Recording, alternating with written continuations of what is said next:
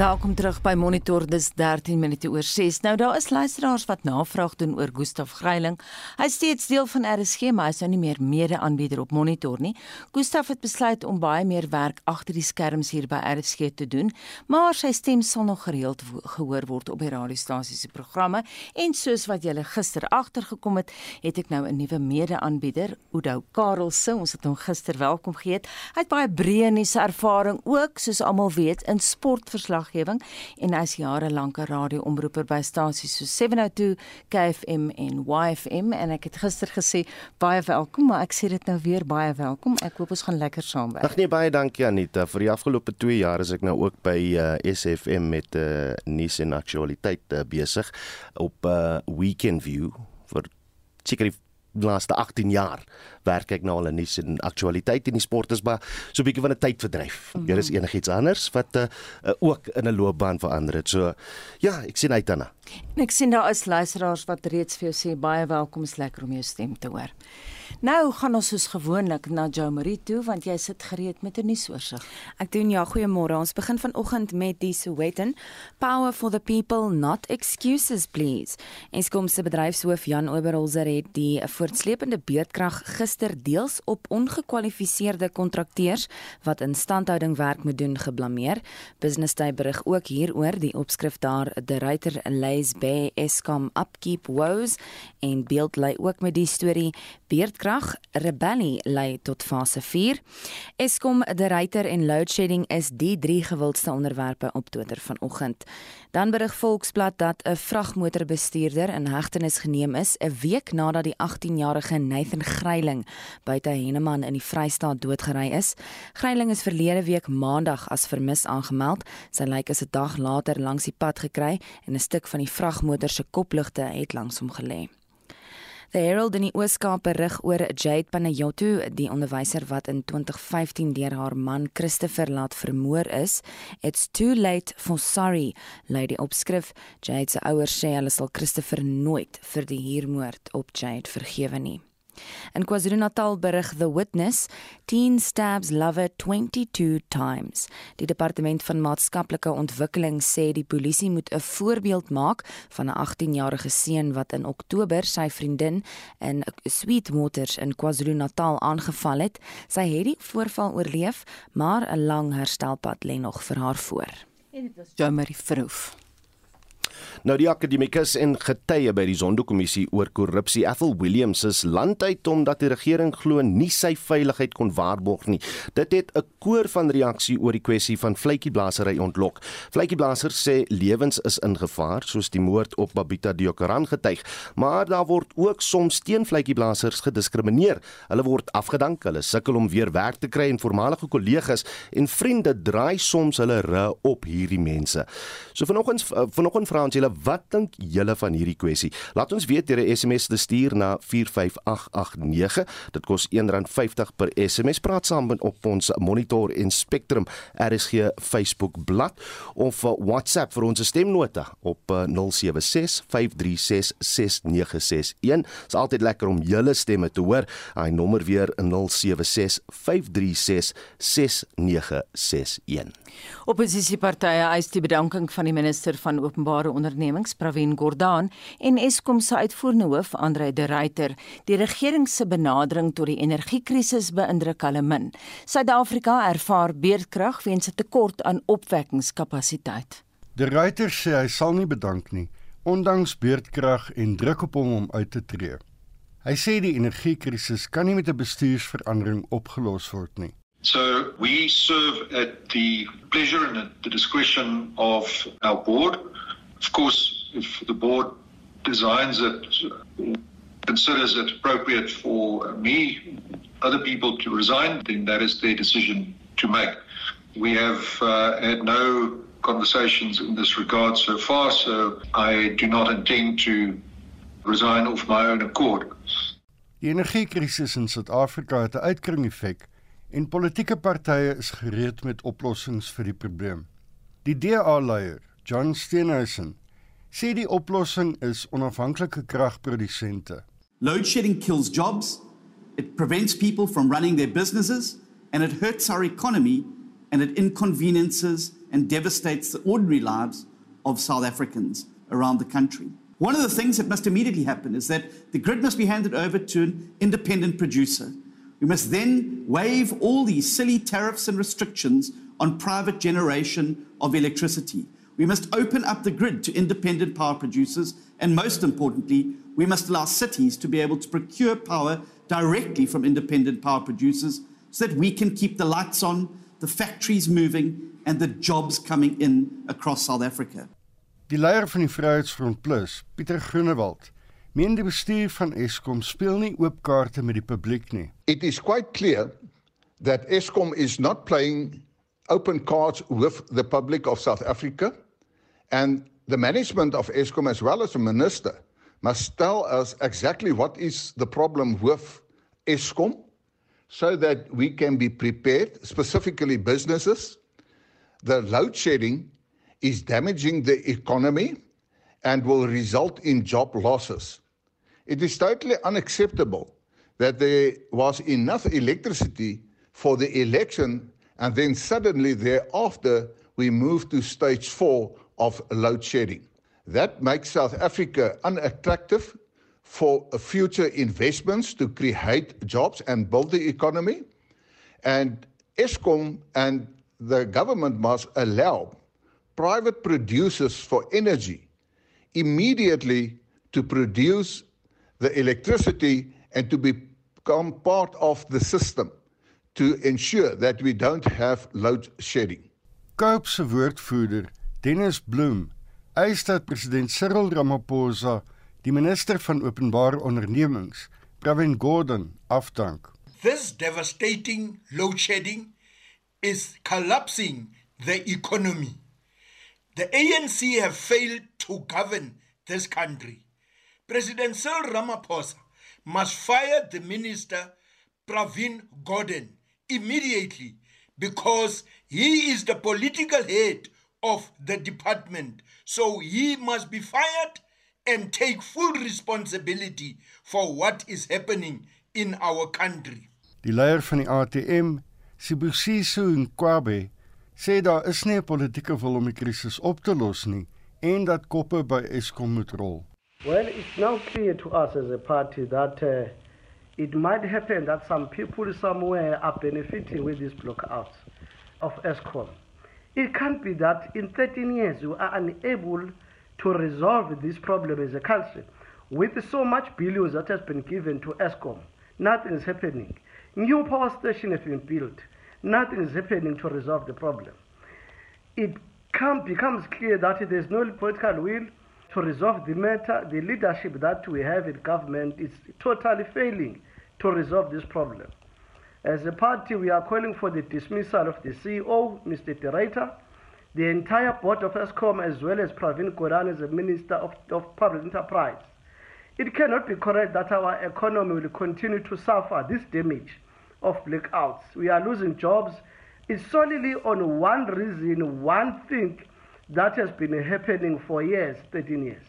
We are saying if Ramaphosa himself is unable to resolve this, he must step down as well. We cannot, as a country, keep on suffering from one problem that cost the country so much. Die Reuter het gister tydens 'n media-konferensie die blame op sommige munisipaliteite geplaas. Hy sê behalwe sommige kragstasies wat onklaar geraak het, word die probleem vererger deur munisipaliteite wat nie beurtkrag behoorlik toepas nie. Hierdie bydra van Zoleka Kodashe van ons politieke redaksie en ek is Hendrik Martin in Johannesburg. Dis 22 minute oor 6. Nou president Cyril Ramaphosa het maandag duidelik gemaak dat daar dat, dat as daar nie 'n aanvaarbare koalisie vir nood vir die ANC is nie, sal die party eenvoudig geen koalisies vorm nie. Ramaphosa het bygevoeg dat uh, tussenverkiesings sal plaasvind indien daar nie besluit kan word oor 'n stadsraad of munisipaliteit nie. Ons praat nou hieroor met politieke ontleder Dr. Oscar van Heerden van die Universiteit van Fort Hare. Uh dok, goeiemôre, welkom by Monitor. Goeiemôre en goeiemôre aan die luisteraars. Skets net vir ons bietjie van 'n agtergrond in in terme van hoeveel van die groot metro's daar 'n uh, koalisie regerings sal moet wees. Kyk op die oomblik is daar die moontlikheid dat ons koalisie regering in ses van die van die metros nodig het. En soos hy self weet, het die hele aantal partye aangedui dat hulle nie belangstel in 'n koalisie met die ANC nie. Ehm um, is nou die DA good action SA al het almal gesê en en natuurlik die AFP in KwaZulu-Natal. Uh, hulle stel glad nie belang in koalisie politiek nie, veral nie met die die ANC nie en dis ek dink dis die rede hoekom die president van die ANC ehm um, gesê het dat uh, indien hulle nie koalisie kan vorm nie, ehm um, dan sal hulle dan sal hulle tussen uh, verkiesing aanraai. Wat wat wat sê die wetgewing Oscar oor hierdie tussenverkiesings en met ander woorde hoe lank het die partye nou om met mekaar te, mekaar te onderhandel en en en om 'n munisipaliteit of 'n stadsraad te sluit? Ja, kyk, die die wetgewing sê dat uh, na die verkiesing moet hulle in, in die volgende 6 weke uh, moet hulle hulle onderhandelinge afhandel en dan moet koalisie uh, regering gevorm word. Indien dit nie gebeur nie, is daar natuurlik die opsie om te praat van 'n minderheidsregering, hmm. met ander woorde, in munisipaliteite waar byvoorbeeld die ANC 44% gekry het en al al dan al die ander partye as hulle bymekaar kom met hulle nog steeds nie 50 plus persent nie. Met ander woorde, daar is nie 'n moontlikheid om 'n regering te vorm nie, dan kan hulle besluit om natuurlik 'n uh, minder 'n minderheidsregering te hê. Met ander woorde, die die groterheid party gaan nog steeds uh, besluite neem en die ander partye moet dan besluit of hulle dit gaan ondersteun in terme van 'n stem in die, in die munisipaliteit of nie. Mm. Dit is 'n moontlikheid, maar dit is natuurlik nie uh, wat mense wil hê nie want hulle wil graag weet dat besluite gaan geneem word en die, en die munisipaliteit sal vorentoe beweeg. So as dit nie kan gebeur nie, dan is dan sê die wetgewing dat die provinsiale regering uh, die departement van plaaslike uh, regering en dis sal dan oorvat. Hulle vat dan die munisipaliteit oor en in 90 dae van by periode af uh, moet hulle dan uh, tussenverkiesing uh, hê. Uh, is dit in die belang van die ANC om sy voete te sleep as dit kom by koalisievorming en en en as dit kom by by die tussenverkiesings? Kyk, ek dink dit so nie. Uh, jy weet dit, dit, dit hulle speel natuurlik met vuur. Ons soos ons weet uh, die laag uh kiesers opkom dan hierdie in, in die geskiedenis van die land in terme van hierdie plaaslike verkiesing. Uh mense het weggebly hulle het nie hulle het besluit hulle stem nie vir die ANC nie en en tog het hulle ook besluit hulle gaan nie vir 'n ander party stem nie. So al die partye insluitende die ANC vat na 'n groot kans as hulle sê hulle gaan terug wil gaan na tussenverkiesing toe want uh moontlik met met nou nou dat mense kan sien en dan van die persentasies en dis meer beteken dit meer DA mense gaan natuurlik vorendag kom miskien of meer ANC mense kom om te sê dat ons maar die party gaan ondersteun, maar dit is 'n 50-50 kans. So ek dink dit is in die belang van die ANC om hulle voete te sleep. Net net laaste vraagie en ook oor die ANC. Uh, eh, hulle verkiesingsleier is ook minister van vervoer vir Kilian Balula het uh, direkte uitlatings gemaak dat die ANC eenvoudig nie koalisieonderhandelinge gaan begin alvorens 'n nasionale kongres plaasgevind het nie. Uh is dit naïef om te dink dat dit die proses sal wees wat tans gevolg word deur die ANC?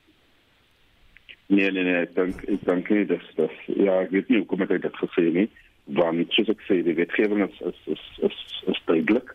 Daar daar's baie kort periodes na verkiesing om seker te maak dat jy koalisie regering moet vorm. Ehm um, so ek weet nie hoekom sê hy dat hulle sou wag vir 'n nasionale konferensie nie. Ehm um, ek dink dit maak sin. Uh, dit dit dit gaan teen hulle werk natuurlik. Dit was politieke ontleder Dr. Oscar van Heerden van die Universiteit van Fort Hare. 6:35 ons praat natuurlik vanoggend oor vletjieblassers en uh, Joan Marie staan by. Wat sê ons luisteraars vanoggend? En Killian skryf op Facebook: Mense wat al ru op kollegas draai as hul ongeruimthede oop vlek het geen integriteit nie. Hulle is deel van die of hulle is deel van die ongeruimthede. Maar intussen weet ons ook die regering kan en wil nie vletjieblassers beskerm nie. Kali skryf ook op Facebook: Wat help dit daar word vletjies geblaas en die kriminele loop vrylik rond? Die vraag is wat doen die vervolgingsgesag om die slegtes agter tralies te kry? En dan Heinrich wat skryf, daar is nie genoeg geld oor om die vletjieblassers te beskerm na die ANC al hulle VIP wagte betaal het nie. Gaan kyk maar na die begroting van die SAPS vir die soort beskerming en wees gereed om van jou stoel af te val. Nou ja, die uh, vletjieblaser se lewens is in gevaar uh, soos die moord op Babita Deokaran getuig, maar daar word ook soms teenvletjieblasers gediskrimineer. Hulle word afgedank, hulle sukkel om weer werk te kry en voormalige kollegas en vriende draai soms hulle rug op hierdie mense. En ons wil vanoggend by jou weet, wat dink jy van die kwessie? Stuur vir ons 'n SMS na 45889, dit kos jou R1.50. Jy kan ook saam gaan praat op ons Monitor en Spectrum Facebookblad of kan of jy kan 'n WhatsApp uh, stemnota stuur, die nommer daar is 076 536 6961. Die jongste van die vier Motti-broers wat 3 weke gelede op pad na 'n privaat skool in Limpopo ontvoer is, het Sondag sy 7de verjaarsdag gevier. Die motor waarin Zila Zayat Alan en Zidan was, is glo deur sewe onbekende gewapende mans gekaap. Die seuns word steeds vermis. Tot dusver was daar nog geen bevestiging van die polisie of die familie dat 'n losprys van die seuns se familie geëis word nie. Die Mottis is 'n gesiene sake familie in Limpopo. 'n Ooggetuie, Charles Pierre Cronje, sê hy het op die dag van die voorval gesien hoe 'n motor vermoedelik met die ontvoerders langs die R71 na die Polokwane sakesentrum gejaag het. In die stadium is daar nog geen arrestasies gemaak nie. We were currently in a traffic jam. As I was fixated on a traffic jam, my eye caught something on my right hand side, which appeared to be dust.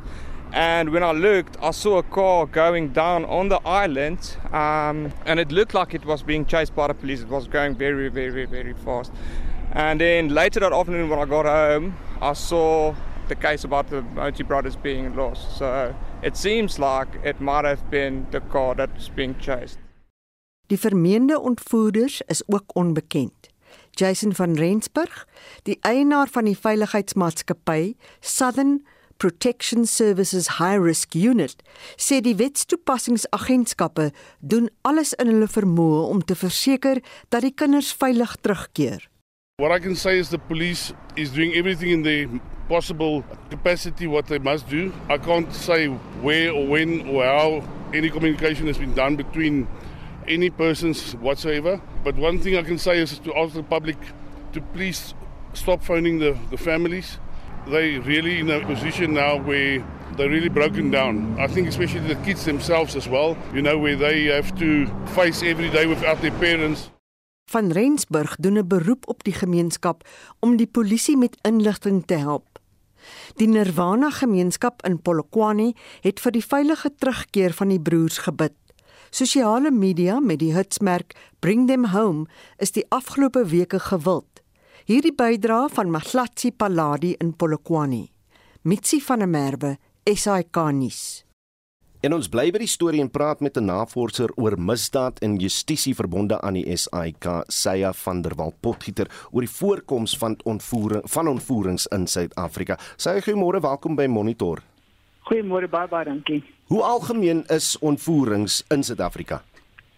Nou, ons kan nie regtig sê dat um, ontvoering 'n tradisionele Suid-Afrikaanse misdaad was voor 2000 nie.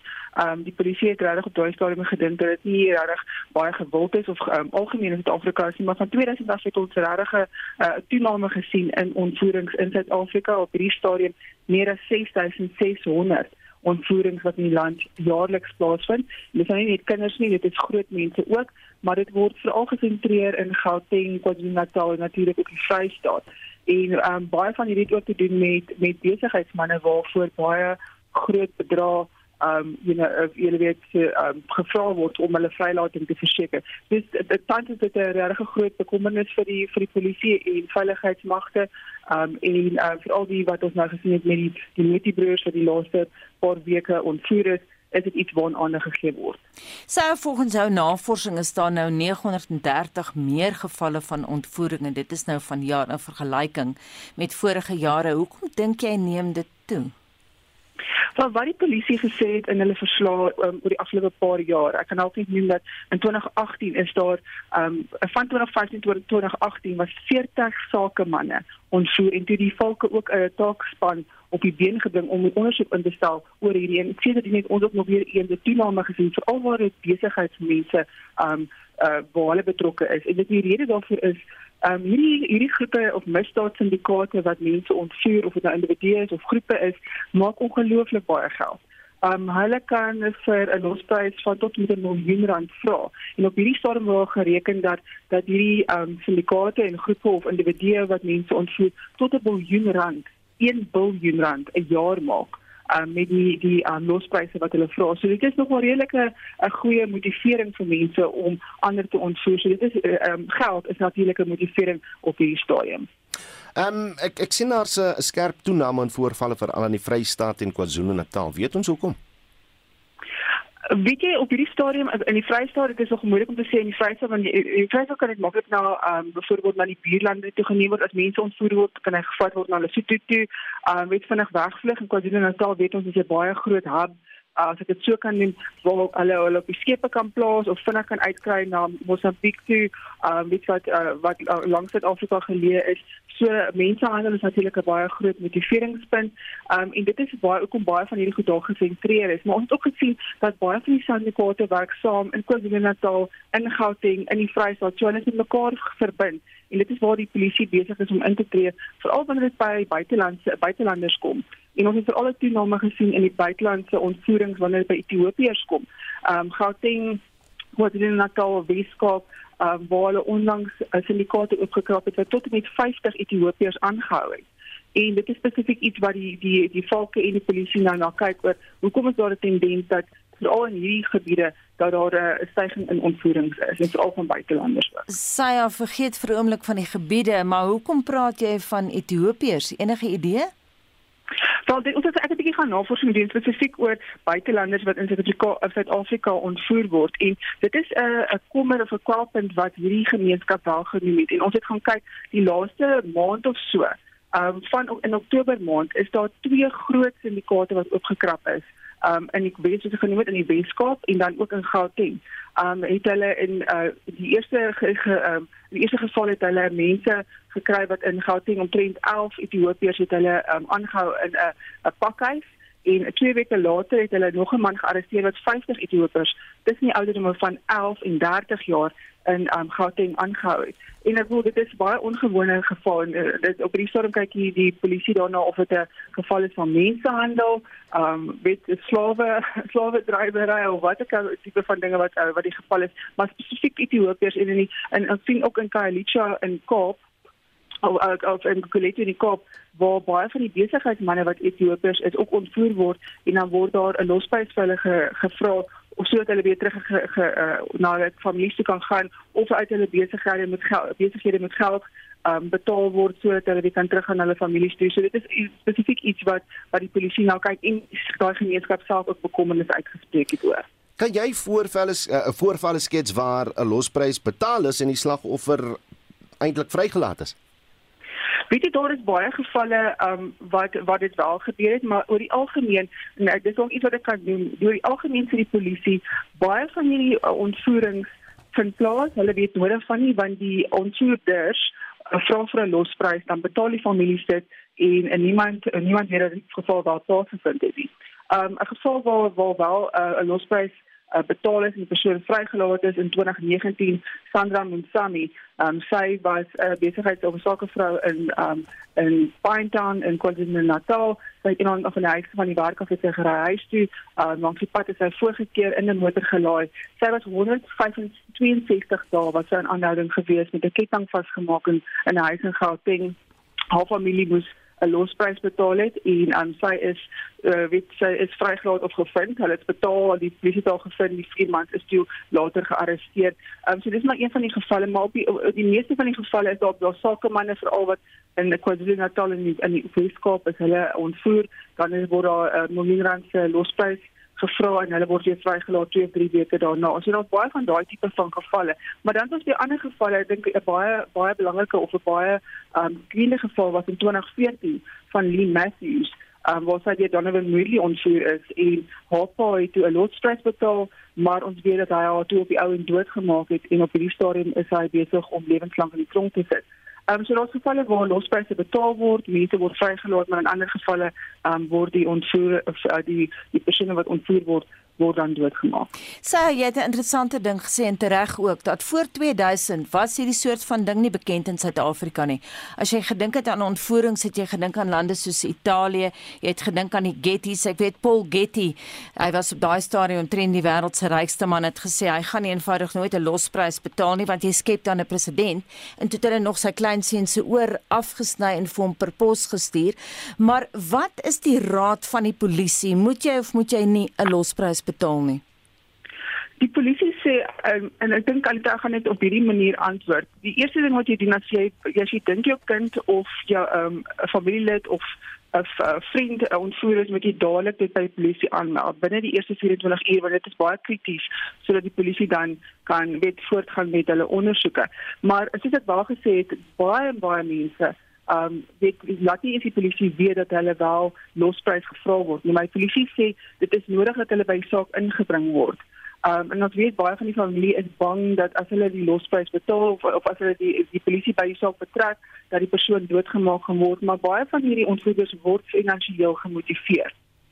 En um die groot ding is as hy dit eerste keer reg gekry het, dan gaan hy 'n weer keer probeer en nog 'n familie of nog 'n um, groep mense in gevaar stel of in weet in 'n baie um, moeilike situasie plaas.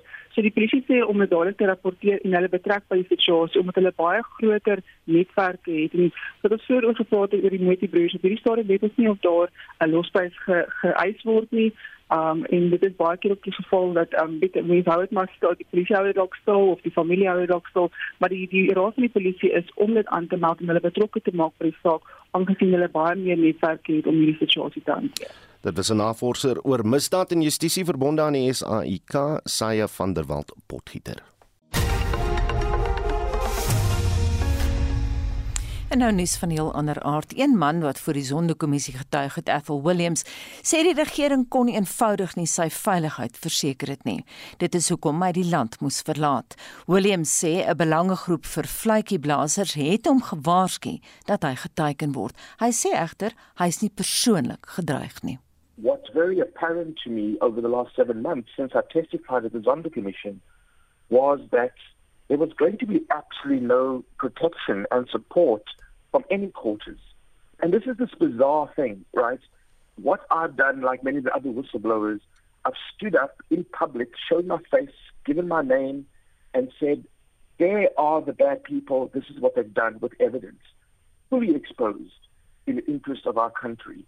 Volgens Williams het die owerhede nie net versuim om die persone wat hy uitgewys het te vervolg nie, maar ook geen beskerming aan hom as vletjieblaser verskaf nie over the last seven months, I've just lived in fear.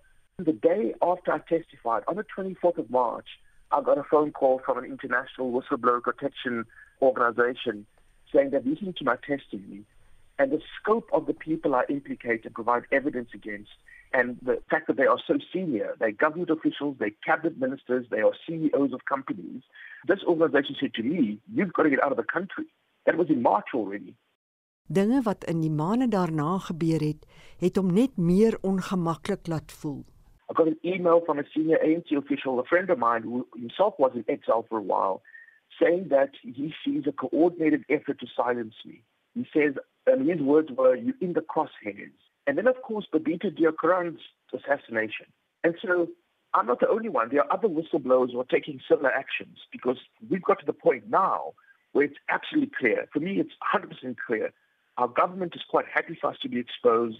Corporate South Africa is very happy for me to be exposed because the people who can actually do something are doing absolutely nothing. En of skoon beskerming in die openbaar beloof is, maar wetgewing nie toegepas word nie, word die persone teen wie getuig is nie deur die nasionale vervolgingsgesag aangekla nie. Not at all. Not at all. And when people say to me, well, Ethel, be patient, wait for the Zondo report, I say, well, we had the Nugent report, for example. That was three years ago, and not a single person has been prosecuted based on the Nugent report. Not a single person has been prosecuted based on the Nugent report where there were recommendations for prosecutions and investigations. So, three years later, nothing in Nugent. How long are we going to wait for action on the Zondo recommendations? Dit ten spyte daarvan dat die vletjieblassers met die gebrek aan veiligheid 'n groot opoffering gemaak het om by die Zondo-kommissie te getuig. Williams glo dat net meer misdade gepleeg sal word as daar geen gevolge daarvoor is nie. Yeah, I'm so conflicted on this issue because I want to encourage people to come forward, absolutely, because that's what we need. That's the only way we are going to fight this corruption and stay capture by more people coming forward.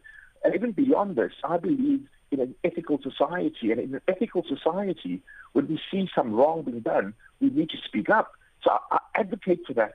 But then at the same time, I know that if people do that, they're putting themselves in harm's way because there's no protection. And so I feel ethically, I can't encourage someone to put themselves in harm's way. William sê dit plaas groot druk op mense wat wel wetsgehoorsaam is en ander daartoe wil aanspoor. You know, I feel conflicted because our society is offering absolutely no protection and actually apathy, right? Bizarre conversations with people, CEOs, who say to me, Oh, Apple, how terrible that no companies will even hire you. And I say to the guy, But you're a CEO. You can actually do something. This connection from hmm. action is bizarre to me. Het iemand in die regering Ethel Williams al probeer kontak sedert hy die land verlaat het? You know, I've left my phone on. Um, you know, I, I like the fact that outer CEO Wayne um, Duvenage put out a challenge at a public platform to the president saying we should do something to encourage Apple back. And I said, actually isn't much that I need for me to come back. So my phone is on and I'm waiting. But no one's reached out to me. You know, there's been no statements from anyone in government, local, provincial, or national. There's been no statements from business organizations, of which I was a big part for many years. Business Leadership South Africa, Black Business Council, Black Management Forum. No one is taking a stand. Nie die politici of sakeleiers reageer nie. We, lack this, this moral courage that I think our country needs of people saying, you know, this far and no further. We've got to act and do something even in the face of danger. Ethel Williams, 'n voormalige professor in etiek aan die Universiteit van Kaapstad, wat gevlug het omdat hy vrees vir sy lewe nadat hy voor die Zondo-kommissie van ondersoek na staatskaping getuig het. Die verslag is met die hulp van SAFM saamgestel. Mitsi van der Merwe, SAK nuus. Intussen sê die direkteur van die belangegroep Accountability na advokaat Paul Hofman, 'n persoon wat by die Zondo-kommissie getuig het, is kwesbaar en dat die regering hulle nie behoorlik beskerm nie. Hulle het glad nie genoeg beskerming gekry nie. Die posisie in ons wet is dat as jy 'n persoon is wat deur die aanklaer in 'n hangende strafsaak geïdentifiseer word as iemand wat getuie gaan wees in daardie saak, dan is jy geregtig om in die getuiebeskermingsprogram van die nasionale vervolgingsgesag in te kom, maar tot tyd en wyl dit gebeur, is jy op jou eie want hulle kan nie sê dat jy 'n getuie gaan wees al dan nie. Dis 'n gegeewe dat Williams en al die ander mense wat by die Zondo-kommissie getuig het, ook in die strafsaake wat sal volg, sal moet getuig. Eintlik is die probleem dat die nasionale vervolgingsgesag sit op hulle hande en wag tot tyd en wyl hulle die finale verslag van Zondo gekry het en die finale verslag van Zondo deur die hersieningsproses en die appelproses en die verdere appelproses grondwetlike hof toe deurgegaan het oor 'n periode van 3, 4, 5 jaar en daarna sal hulle eers begin met hulle strafsaake. Volgens Hoffman word hulle aangemoedig om so op te tree. Selfs die president tydens sy getuienis gedurende sy tweede besoek aan Sondag het hy gesê hy gaan wag tot tyd en wyl hy die verslag sien En sonder sê te vir hom in die openbaar in die kommissie sê hy vir hom moet moenie so optree nie. Daar's mense wat klaar besig is om hulle stukke bymekaar te sit vir die hersiening van my bevindinge wat kom en dis 'n proses wat jare gaan neem en jy moet nou besluit of jy enigiets omtrent die wangedrag en die uh, die bedrog en die korrupsie gaan doen. Jy kan nie wag vir my verslag nie. Hoffman glo dat Suid-Afrika as staat gaan misluk as die situasie nie binnekort hanteer word nie. Die ANC self weet dit. Hulle het in Augustus verlede jaar het hulle besluit die National Executive Committee het 'n besluit gemaak. Hulle het gesê kabinet moet dringend 'n nuwe teenkorrupsie stelsel en 'n nuwe eenheid stig. 'n Bomberol het gebeur in die tussentyd en is meer as 'n jaar. Die skrif is aan die muur, sê Hoffman. Die ANC besluit word nie uitgevoer nie en uh, dit in 'n tyd waar ons almal weet dat hierdie korrupsie sonder gevolge is besig om ons land eintlik te laat sterf. Paul Hoffman is direkteur van verantwoordbaarheid nou. Mitsi van der Merwe, SAK nuus. Jamari Louis skryf op Facebook staatskaping lê so diep gewortel in die ANC regering dat Zuma en die Guptas die punt van die ysberg is. Ek vertrou niemand in die regering nie en daarom is vletjie blaasers altyd in gevaar. Ek vertrou nie eers Ramaphosa se kampstige geveg teen korrupsie nie, want die ANC is deurtrek met korrupsie. En dan die stel wat skryf: "Waarom kan vletjie blaasers se identiteit nie beskerm word nie?